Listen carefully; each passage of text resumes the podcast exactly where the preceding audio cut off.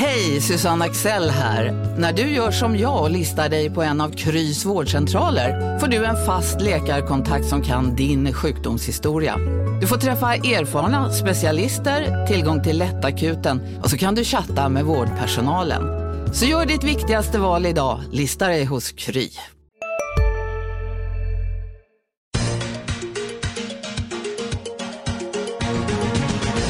Hej och välkommen till Makrorådet, Dagens Industris podd om de stora ekonomiska frågorna. Mitt namn är Viktor Munkhammar. Med mig idag har jag Anna Öster som är chefsekonom på Länsförsäkringar och Olof Manner som är makroansvarig på Swedbank. Välkomna hit ska ni vara. Tack. Hörni, eh, det, det, det, händer massor med saker. Vi, vi, ska prata om allt vad alla centralbanker gör. Inte riktigt allt kanske, men mycket. Eh, vi ska prata om hur det egentligen ska gå för eh, världen ekonomiskt. Eh, ni har med er varsin spännande spaning. Eh, men jag tänkte att vi skulle börja på hemmaplan och eh, Magdalena Anderssons bryderier. Eh, kostnaderna för flyktingkrisen kommer ju öka kraftigt och samtidigt så sitter hon lite i en knipa eftersom budgettaket är ganska litet. Vad ska man då göra i det här läget? Anna, vill du börja? Ja, det är en svår fråga. Eh, det känns ju som att det är faktiskt ingen som riktigt vet vad som vore det lämpligaste sättet att finansiera den här, de här utökade kostnaderna som vi ändå ser framför oss. Ehm, det, det känns väl ändå som att det, det vore rimligt att låna mer, i, inledningsvis i alla fall, för att också kunna avgöra lite mer hur tillfälliga de här kostnaderna är. För det är ju egentligen det det handlar om vilken, alltså, hur det är lämpligt att finansiera beror lite på om det är tillfälligt eller mer långsiktiga kostnader. Eh, och det är ju, I grund och botten så handlar det ju om såklart att vi måste få in de här människorna på arbetsmarknaden så fort som möjligt. Och nu när vi får väldigt många som kommer samtidigt så måste det ju bli till så att vi behöver ta till eh, järva åtgärder. Både vad det gäller mottagandet och integrationen. Alltså vi, må, vi måste verkligen vända på varenda sten och våga bli snabbare och våga göra saker så som vi kanske inte alltid har gjort det. För det är ju risken att det blir liksom för långdraget alltihop det här. Och ja, det är de här sju, åtta år man ja, pratar det, om innan man kommer ja, in på arbetsmarknaden. Ja, det funkar ju inte när situationen ser ut som den gör nu. Och då måste vi ju verkligen våga tänka om, tänka nytt. Jag såg att eh, Oskar Nordström Skans bland annat var ute och pratade i Dagens Industri för några veckor sedan om att just där ska vi ha tältläger i mottagandet att det är ju en krisåtgärd. Det är ju inte det vi normalt sett vill ha. Då behöver vi också tänka på krisåtgärder på arbetsmarknaden. Alltså vi behöver ha samma tänk. Vad gör vi nu som vi inte normalt sett brukar göra? Men bara för att ta emot den här eh, exceptionella situationen som vi befinner oss i. Ja. Eh, och det är nyckeln, för då kan det ju bli en investering. Om vi verkligen får in de här människorna på arbetsmarknaden så är det ju bra för svensk ekonomi. Ja, sen finns det ju mera, bortsett från de här liksom grundläggande ja. frågorna, finns det ju en lite kameral aspekt av det också, nämligen de här 17 miljarderna som finns upp till utgiftstaket eh, nästa år. Det är utgiftstaket som då är en del av budgetramverket och som aldrig har spräckts förut. Eh, och där enligt läckta mejl så, så famlar Finansdepartementet desperat efter besparingar och möjligheter att tidigare lägga anslag till i år kanske när det finns mer marginal till taket och så vidare. Olof, vad, vad tänker du? Ska man eh, spränga taket? Är det det som är lösningen? Ja, det tror jag man eh, kommer att göra. Ehm, eh, jag tror att det blir en kombination av slopat utgiftstak, en eh, större slopat upplåning. Slopat eller höjt? Ja. Höjer du det så slopar du det nuvarande. Ja, okay. mm. Så att eh, eh, hur man går tillväga är kanske, men att det, det, inte kommer att ligga kvar där det ligger med tiden. Eh, en större upplåning Eh, Eh, jag ser också högre skatter och eh, eh, där det blir svårast att arbeta tror jag, det är ju i omfördelningen av den budgeten som ligger. Nu är man ju på och drar i Sida-pengarna och den kritiken från Sida-håll har ju varit både hög och hård. dessutom tittar man på de högre sjuktalen och hur det ser ut i sjukförsäkringssystemet, där är det nog inte så lätt att spara. Försvaret är ju, eh, har man ju sagt att man ska öka. Eh, skolan är ju hals på dekis redan i många avseenden. Eh, ska man spara där? Alltså det är svårt att hitta områden där man kan spara som jag ser det. Ja, och då menar du inte bara att det kommer bli så nödvändigt att man får utgiftstaket utan också att det är rätt politik att höja utgiftstaket? Ja, eh, Eller rätt ekonomiskt. Med det jag kan se så har man inget alternativ. Eh, Anna var inne på det här och även du själv att en, en stor del av eh, eh flyktingmigrationen eh, som kommer till oss nu det är ju ensamstående barn. De är inte ute på arbetsmarknaden i brådrasket. Vi hörde eh, chefen för eh, Eh, Arbetsförmedlingen igår var ute och sa att de kommer ju omrevidera sina behov. Det kommer öka drastiskt. Han pratade om dubbla eh, dubbla summan för eh, 2018, 2019 och så vidare. Jag tror att man som vanligt underskattar så att säga, både konsekvenser och kostnader av det vi ser här. Budgeten är i stort sett byggd på en flyktingström som har fördubblats sedan dess och så vidare. Och, och det slår i alla led. Va? Så att eh, jag tror nog att, att eh, här kommer man få vara både uppfinningsrik och eh, intelligent för att eh, hitta åtgärder som gör att vi klarar av det här. Ja. Anna, du pratade om eh, att ta liksom, krisåtgärder i mottagandet, att det också kräver ett eh, liksom, rejält nytänk i ja, den ekonomiska politiken egentligen. Ser du några tecken på att det, den insikten har, har trillat ner hos politikerna? Alltså att man omprövar gamla sanningar och kanske är beredd att slakta heliga kor och så vidare? Ja, men till viss del så är jag väl lite på marginalen positiv. Framförallt kring den här flyktingöverenskommelsen. Där tycker jag att det var positivt att man redan i den här eh, första rejäla överenskommelsen över blockgränserna också tog med arbetsmarknadsperspektivet med att man ämnar vidga då eh, tjänsterna som ska ingå i RUT till exempel. Och det, det går ju ganska stick i stäv med det man pratar om i budgeten. Där ville man ju ta bort vissa tjänster och dessutom så sänker man ju taket. Det, det har man ju inte hört någonting om att det skulle förändras.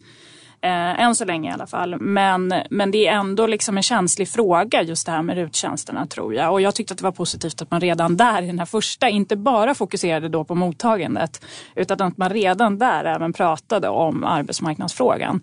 Eh, vilket jag, det, det tycker jag är ändå ett litet tecken på eh, att man eh, ser lite förändring. Men det som känns lite jobbigt då, om man ska säga så är ju att precis som Olof säger, det känns som att det är svårt att hitta uppenbara ställen att spara på. Ehm, och samtidigt så har vi liksom problem verkligen på bostadsmarknaden till exempel. Vi, vi kan ju återkomma till det men eh, det gör ju inte situationen lättare när vi får in en massa andra människor som också behöver någonstans att bo och så har vi grundproblem på bostadsmarknaden som man blir orolig för bara ska skjutas på framtiden då för att man behöver göra krisåtgärder nu och man vågar inte både göra stora förändringar i strukturen samtidigt som man gör kanske krisåtgärder på, på toppen om man säger så. Och man är orolig för att det här kanske gör att de här strukturella förändringarna vi verkligen behöver kanske får eh, skjutas fram lite grann. Det tycker jag är en oro. Ja. Olof Kort, ser du några liksom tecken på att den ekonomiska politiken håller på att förändras med anledning av den här jag ser i varje fall eh, eh trevare från regeringen åt olika håll för att få en, en, eh, eh en lösning över, eh, över den gamla blockpolitiken. Då. Det är ju gott så. Eh, men det är klart att, att eh, eh oppositionen tjänar ju på så att säga att inte ta handen just nu med Löfvens eh, dåliga siffror och så vidare. Va? Så att det är ju alltid ett politiskt spel i botten. Men nu finns det åtminstone en vilja från regeringen att, att eh, eh, åstadkomma någonting och, och, eh, kanske över partigränserna. Och det tror jag är fullständigt eh, nödvändigt för att eh, i slutändan eh, komma till tals med de här problemen. Vi kastar oss glatt över centralbanksvärlden där det har hänt en del eh, eh de senaste veckorna. Eh, ECB har skickat väldigt tydliga signaler om att det kommer komma ytterligare stimulanser. Eh, Riksbanken kontrade på det med att redan nu eh, lansera ytterligare obligationsköp. 65 miljarder till ska centralbanken köpa för under första halvan nästa år. Eh, och ja, den kinesiska centralbanken har sänkt räntan och dessutom så var budskapet från Fed, alltså den amerikanska centralbanken i oktober att eh, ja, det kanske ändå kommer bli en höjning i december som ändå de flesta hade avskrivit efter de mjuka signalerna i september. Anna, vad, vad ska man tro egentligen? Vad håller på att hända här? Ja, var ska man börja? Det är många intressanta centralbanker att prata om. Men, men jag börjar med Fed då. December är plötsligt på igen. Men det är ju inte plötsligt på igen. December har alltid varit på. Alltså alltid varit ett aktivt möte tycker jag.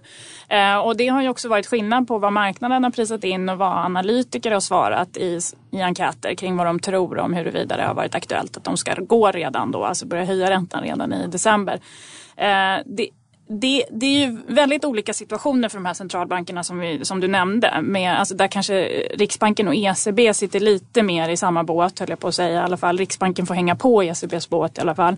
Eh, Medan Kina är på väg ner och Fed är, är på väg att, att strama åt. Och Fed har väl den ekonomin som ändå fungerar bäst, höll jag på att säga. Och är mer av en klassisk avvägning för huruvida man ska börja strama åt penningpolitiken eller inte.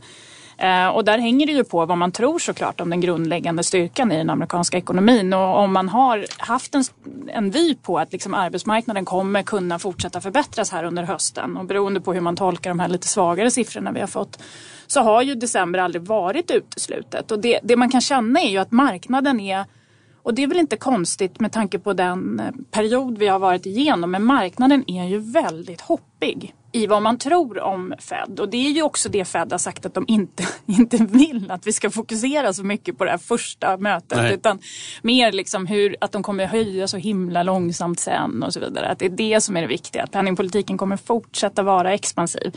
Men marknaden klarar ju inte av såklart och bortse från det här utan det är väldigt mycket fokus på det här. Och det, det, det är liksom en hoppighet. Alltså så där snabbt svänger liksom inte ekonomierna. Så fort vi ser lite sämre data då pratar vi om, är vi på väg in i recession nu? Alltså vi har så väldigt nära till hands att gå till de här domedagsprofetiorna nu. Och det, vi hade samma situation med Tyskland förra hösten. Att vi fick lite dåliga siffror och då är alla, ja Tyskland, de håller på, de är på väg ner nu. Det blir ett väldigt hoppigt, hoppig syn på realekonomin eh, som inte brukar vara så hoppig. De rör sig ju mycket långsammare än vad marknaderna gör eh, generellt. Så att, eh, jag kan väl tycka att vi alla skulle behöva ha lite mer is i magen och, och grotta i siffrorna och se på de grundläggande drivkrafterna och, och försöka göra analysen utifrån det. Men det är betydligt lättare sagt än gjort. Ja, okej. Okay. Ja, uh, ta det lite lugnare alltså mm. är budskapet där. Olof, vad tänker du om det vi har sett från centralbankerna här senaste tiden? Det blir ju mycket en, en Fed uh, nu ligger ju tyvärr Fed eh, sist av centralbankerna mm. i december, vilket innebär att eh, varken ECB som kommer först eller Riksbanken som kommer tvåa kan ju agera eh, on the back av vad Fed har gjort. Eh, men förhoppningsvis så kommer ju Fed-delegaterna och de arbetssiffrorna vi ser från USA att eh, göra osäkerheten mindre när vi närmar oss. Men eh, det, är ju, det är ju så att, att om marknaden och det finns en tro på att Fed kommer att höja, kommer ju i någon mån lätta bördan för både ECB och Riksbanken på eh, hur mjuka de ska vara och vilka åtgärder de ska, ska komma med. Så att och det här tar säkert amerikanarna hänsyn till skulle jag tro. Eh, dessutom är det ju så att... Alltså att de bereder, medvetet bereder, bereder vägen lite för de andra? Eller det tror jag säkert att de tar hänsyn till. Jag menar, eh, det tror jag. Även om så att säga det kanske inte är huvudsyftet för det, naturligtvis för deras eh, penningpolitik. Eh, men det är säkerligen en koncern. Jag tror också att eh, en sak som man sällan pratar om nu det är ju det att eh, om den globala ekonomin skulle plana ut eller gud förbjude börja doppa ner igen. Va? Det kan ju vara bra att ha någonting i vedboden när kylan kommer och då är det ju bra liksom att hugga veden, det vill säga höja räntan när det faktiskt går. Den finansiella marknaden har ju väntat på den här räntehöjningen i ett års tid. Det är ju ingen objuden gäst som kommer till middag. Och då har man så att säga, jag, jag, tror att det kan vara bra att ha lite ränta och, och kanske sänka med framöver. Eh, den tanken tror jag man har också. Sen är det ju så att liksom kommer det bra arbetssiffror här nu i USA då, då är ju liksom eh, då är man nästan tvungen att höja räntan. Det, det, det har man ju liksom pekat på. Så att Eh, Eh, personligen skulle jag tycka att det var skönt om den här räntehöjningen kom nu så man blir av med den och jag delar vad Anna säger att det är inte liksom frågan om att normalisera räntan, det är frågan om att höja den ett första litet steg. Och belackarna menar ju då att det är eh, vis av erfarenheterna från de tidiga räntehöjningarna i Sverige för några år sedan när man knäckte eh, ryggen på ekonomin och bla bla bla. Men det här är inte, liksom, eh, det är inte frågan om, om, om några jättenivåer. Va? Nej, Okej, okay. då låter det som att ni båda lutar åt att det nog blir en höjning i december. Ja, med brasklappen att absolut. arbetsmarknaden ja, inte får braka ihop. Nej, precis. Det, det, får den definitivt inte göra. Och då om förväntningarna kommer upp så är det också lättare för Fed att höja faktiskt. Det hänger ju ihop. Ja. Men, men det, problemet är ju lite det här med att det är två sidor av det där myntet. Att det, det är bra för Europa, Sverige, om de höjer. Eh, men diskussionen på senare tid har ju varit hur dåligt det är för tillväxtekonomierna till exempel. Så att det, det är inte enkelt för dem att väga ihop den där omvärldsutvecklingen eh, tror jag. Jag tror bara att det är så att den inhemska ekonomin absolut skulle klara av en höjning. Så Nej. nu kör vi vi går vidare här, men, men det, ni har berört det redan lite grann. Eh, och det här är en väldigt stor och svår fråga. Vi har sett eh, de inköpschefsindex som har kommit den här veckan som tyder på en, en fortsatt återhämtning globalt, men det går fortsatt långsamt. Eh, de här, den här värsta oron som vi hade augusti-september har väl lagt sig, exempelvis i det stadier ute i Kina och sådär. Och, och så. men, men generellt ändå liksom att, att, det går, att det går väldigt trögt. Om man tittar på också på marknadsprissättningen på saker. Jag tror en, en 30-årig amerikansk ränta ligger på 3 procent och det är ju nästan ingenting. Eh, inflationsförväntningar väldigt långt fram i tiden visar på att det liksom är inte några prisökningar att tala om som är eh, prissatta. Eh, helt enkelt en väldigt dyster framtidsbild. Ska, ska, ska det vara på det här viset? Vill du börja Olof? Du har varit med ett tag också. Ja, nej men eh, om man jämför liksom, eh, så som ekonomierna rör sig idag jämfört med när jag började i marknaden för 30 år sedan. Då var de här konjunkturella cyklerna väldigt tydliga. Eh, vad som har hänt sedan dess är ju liksom att, att eh, det är ju framförallt på informationsplanet. Informationen sprids så fruktansvärt snabbt idag. Jag tycker centralbankerna överlag är mer aktivistiska. Så konjunktur kan inte vara något bra arbete idag. Man blir ju ihjälskjuten så fort man är på väg eh, eh både upp och ner. Så är centralbankerna där och hugger direkt. Eh, sen är den stora frågan är ju liksom Eh, hur länge ska man, eh, hur länge tror man att utvecklade ekonomier kan ligga på en hög tillväxttakt? Är det där tillväxten behövs egentligen? Den behövs ju mera i tillväxtländerna då naturligtvis. Va? Och, och det känns som att, att liksom eh... Har du också valt att bli egen? Då är det viktigt att skaffa en bra företagsförsäkring. Hos oss är alla småföretag stora och inga frågor för små. Swedeas företagsförsäkring är anpassad för mindre företag och täcker även sånt som din hemförsäkring inte täcker. Gå in på swedea.se företag och jämför själv. Hej, Synoptik här. Hos oss får du hjälp med att ta hand om din ögonhälsa. Med vår synundersökning kan vi upptäcka både synförändringar och tecken på vanliga ögonsjukdomar. Boka tid på synoptik.se. Den normala tillväxten har glidit ner någon procent eh, sedan jag började i marknaden. Och 2 procent is the new normal. Något så. Det, det är klart att det, det eh, vi är ju inne i digitaliseringstrender och annat så att det, det, det, är möjligt att det kan lyfta produktivitet och annat vad det lider. Eh. Men, men eh, vi har någon sorts eh, mycket jämnare flatliner nu vad det gäller de här eh, utvecklade ekonomierna. Och i bakgrunden då en, en, en eh, måste man väl ändå säga, en förväntad kinesisk nedgång i tillväxten. De kommer ju från tvåsiffriga tal där det är svårt att ligga i en ekonomi med 1,4 miljarder människor. Det är liksom naturligt att det planar ut och, och ibland kan jag vara förvånad över att man liksom ser med sån ve och fasa på det. Eh, det går inte att ligga på 7% tillväxt i tid och evighet så att säga. Va? Så att eh, jag tror att vi är inne i någon sorts nytt eh, skeende där det inte kommer att vara så här stora kast i, i det som förut var konjunkturella cykler. Ja, Okej, okay. och väldigt kort, om du sätter här i siffror för så att säga, Sverige och västvärlden, vad är det vi talar om att man kan räkna med för tillväxttal? 1,5-2 procent? Ja, det är lite taget i luften. Sverige har en väldigt bra tillväxt för närvarande på runt 3 procent i ett europeiskt perspektiv. Men jag tror liksom, eh, man ska inte drömma mardrömmar om man ligger någonstans mellan 2,5, eh, runt 2-2,5 procent framöver.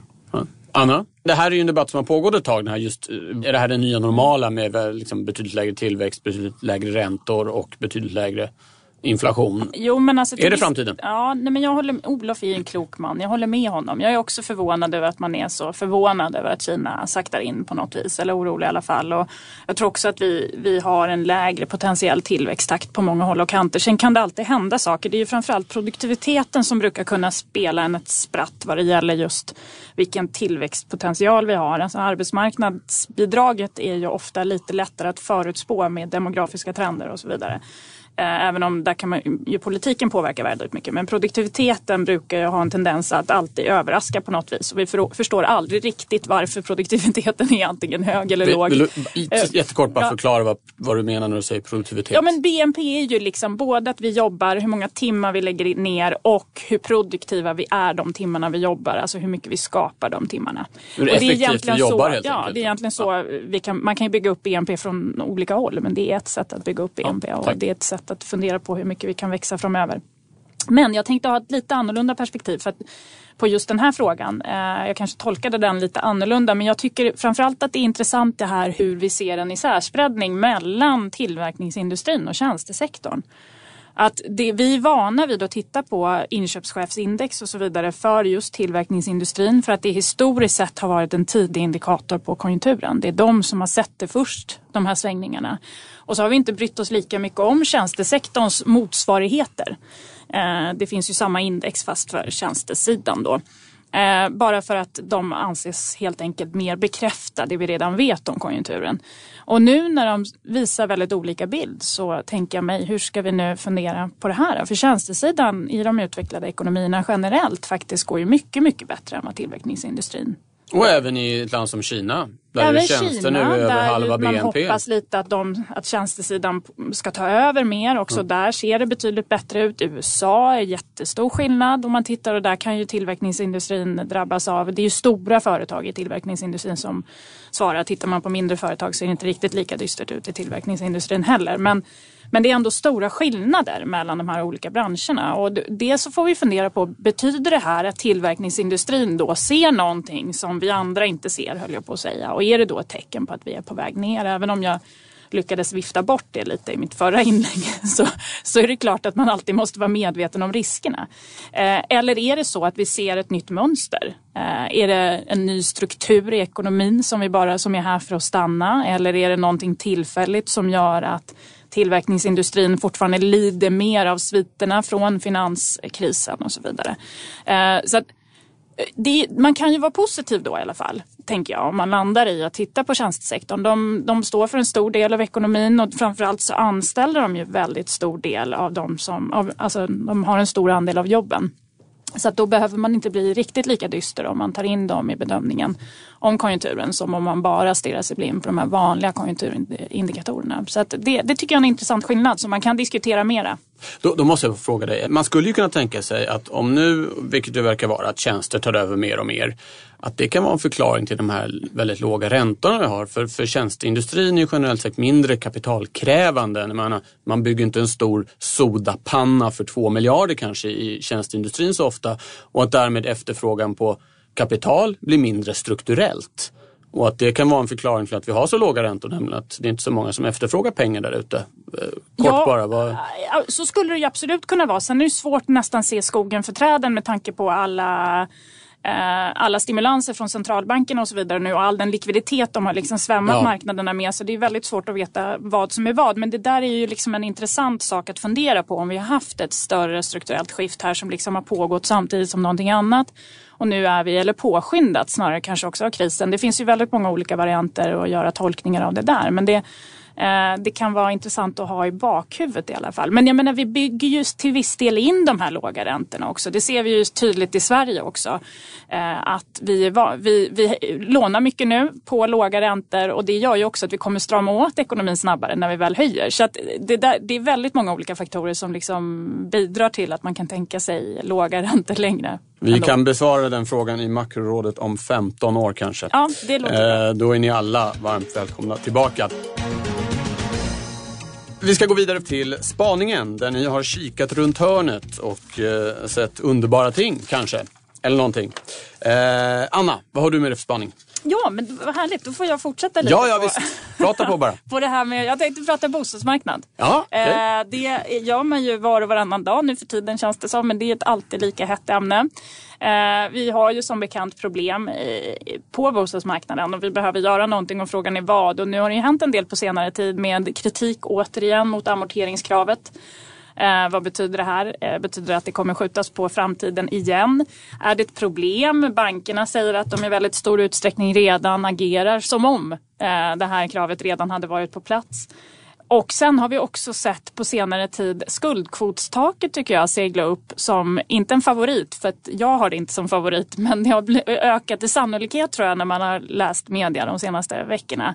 Det har ju varit Ingves eh, idé, eller idé, men han har nämnt det flera gånger och de har räknat på det i sina Du får rapporter. kort förklara bara vad det här är för någonting. Ja, att man helt enkelt då skulle få bara låna eh, en viss eh, Fyra gånger inkomsten till exempel. Ja, att det är det max man får låna. Att man sätter ett tak på hur stort lånebelopp man får ha. Inte bara utifrån hur mycket det man köper är värt utan också utifrån den inkomst du har. Ja.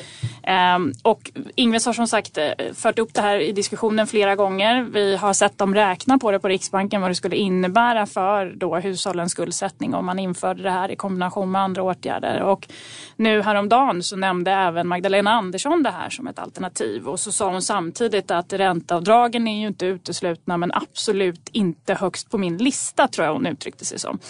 Eh, och då tänkte jag att det, det är ju en intressant spaning om man skulle gå hårdare åt här. Jag tror ju att det verkligen är olyckligt om man riktar in sig på att i väldigt stor utsträckning begränsa efterfrågan på bostadsmarknaden.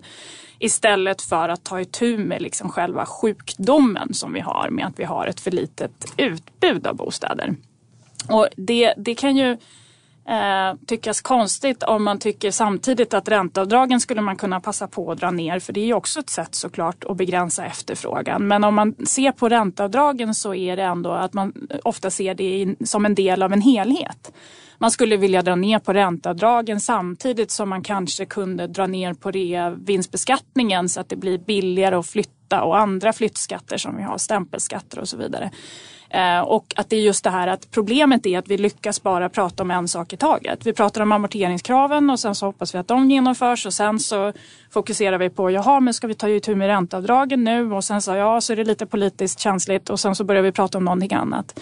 Istället för att just se till helheten på bostadsmarknaden. Vad behöver vi ha för incitament att liksom låna kontra spara, eh, bygga.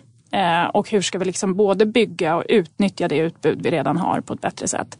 Eh, och, så det är min spaning. Är det ett skuldkvotstak nu då som är på tapeten? Och jag hoppas inte det.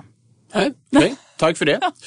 Olof, vad har du med dig? Ja, jag, jag har med mig en sak, men först skulle jag vilja bara kommentera Ja, ja, snabbt vad, vad Anna sa. Det är ju, eh, jag såg en undersökning som eh, Avanza hade gjort genom Sifo igår som eh, jag tror eh, fanns på Dagens Industris tablå igår redan.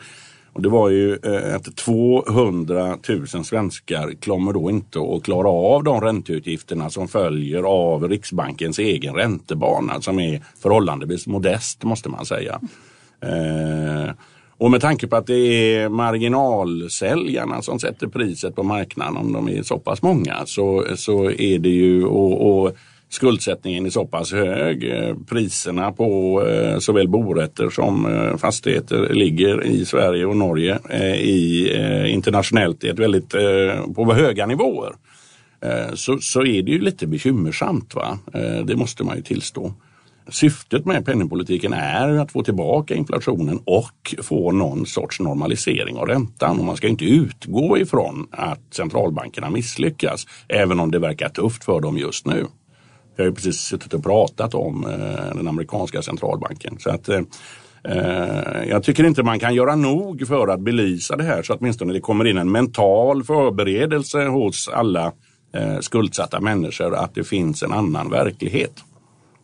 Det om det. Ja. Min egen Men det borde inte belysas med ett skuldkvotstak, eller? Det skulle ju vara en tydlig upplysning annars. Ja, det Mer än så här får inte du låna för du tjänar inte mer.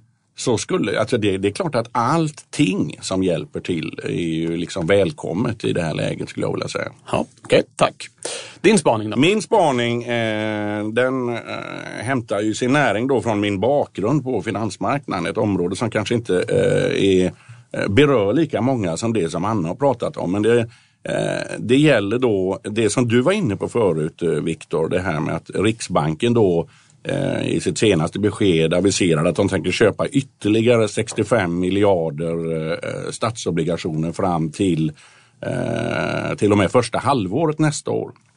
Eh, det innebär, om det här då går igenom, att då kommer man att lyft ut 200 miljarder så att säga ur den utestående statsobligationsstocken som idag är 600 miljarder. Idag så eh, äger utlänningar ungefär en tredjedel av den stocken, det vill säga ytterligare 200 miljarder. Så Riksbanken 200, utlänningarna 200. Det skulle då innebära att det finns 200 miljarder kvar till resten. Och det undrar jag om det räcker så att säga för att hålla likviditeten i marknaden. Dessutom i ett läge där vi har minusräntor och väldigt hårt nedpressade räntor. Och det går att se att utlänningarna köper mer eh, beroende på eh, eurokriser och annat. De kommer, de har faktiskt ägt nästan 50 procent av stocken. Eh, och jag har ju suttit i marknaden så pass länge och sett eh, eh statsskuldsväxelmarknaden implodera när likviditeten försvann där. Understundom under stundom så är det dålig likviditet på realränteobligationsmarknaden för den utestående volymen är så dålig. Eh, så att jag är lite orolig för eh, vad Riksbankens aktiviteter då kan betyda för eh, statsobligationsmarknaden. Sen ska man ju samtidigt säga då att, att Riksbanken har en beredskap naturligtvis och, och, kan köpa bostads och säkerställda obligationer och kanske till och med utländska obligationer då i formen av valutainterventioner. Och det vet vi att det är på deras lista. Men det som de har aviserat ännu så länge eh, vad det gäller statsobligationsköpen gör att jag är lite nervös för hur likviditeten eh, kommer att bli på marknaden framöver. Två frågor. Dels konkret, vad händer då när, eh, när likviditeten blir för dålig? Blir det att folk inte vågar handla? Eh, på, som svaret på din första fråga blir att de som då ska ställa priser till eh, svenska pensionsfonder och försäkringsbolag och kapitalförvaltare om de inte tror att de kan bli av eller få in den risken så ställer man ju sämre priser eller bredare spreadar som vi säger då. Större skillnad mellan köp och säljkurs? Korrekt. Och det mår ingen bra av.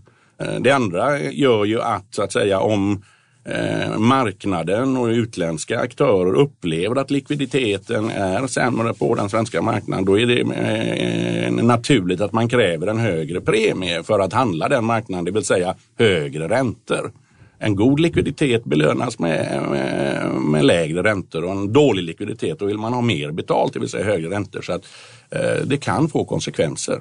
Ja.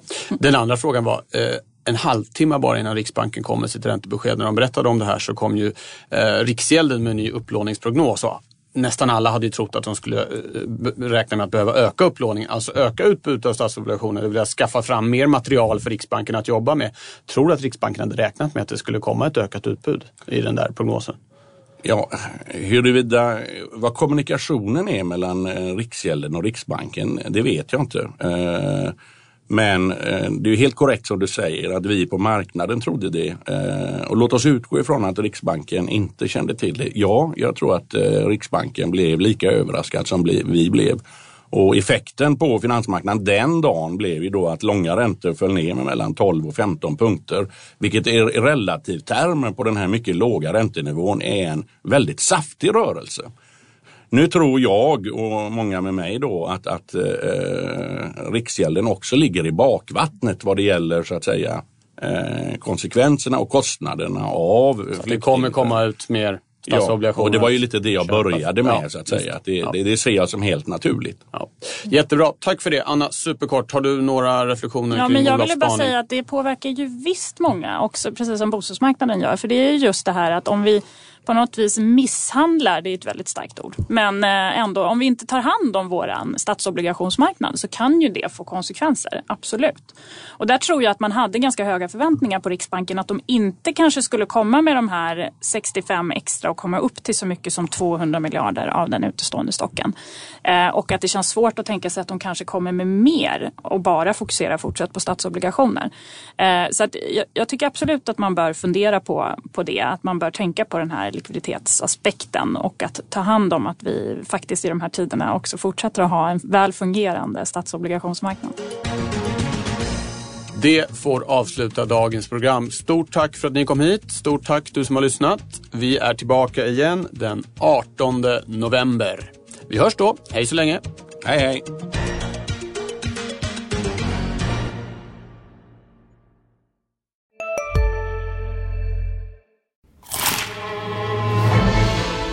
Upptäck det vackra ljudet av McCrispy Company för endast 89 kronor. En riktigt krispig upplevelse. För ett ännu godare McDonalds. En nyhet. Nu kan du teckna livförsäkring hos Trygg-Hansa. Den ger dina nära ersättning som kan användas på det sätt som hjälper bäst. En försäkring för dig och till de som älskar dig. Läs mer och teckna på trygghansa.se. Trygg Hansa. Trygghet för livet.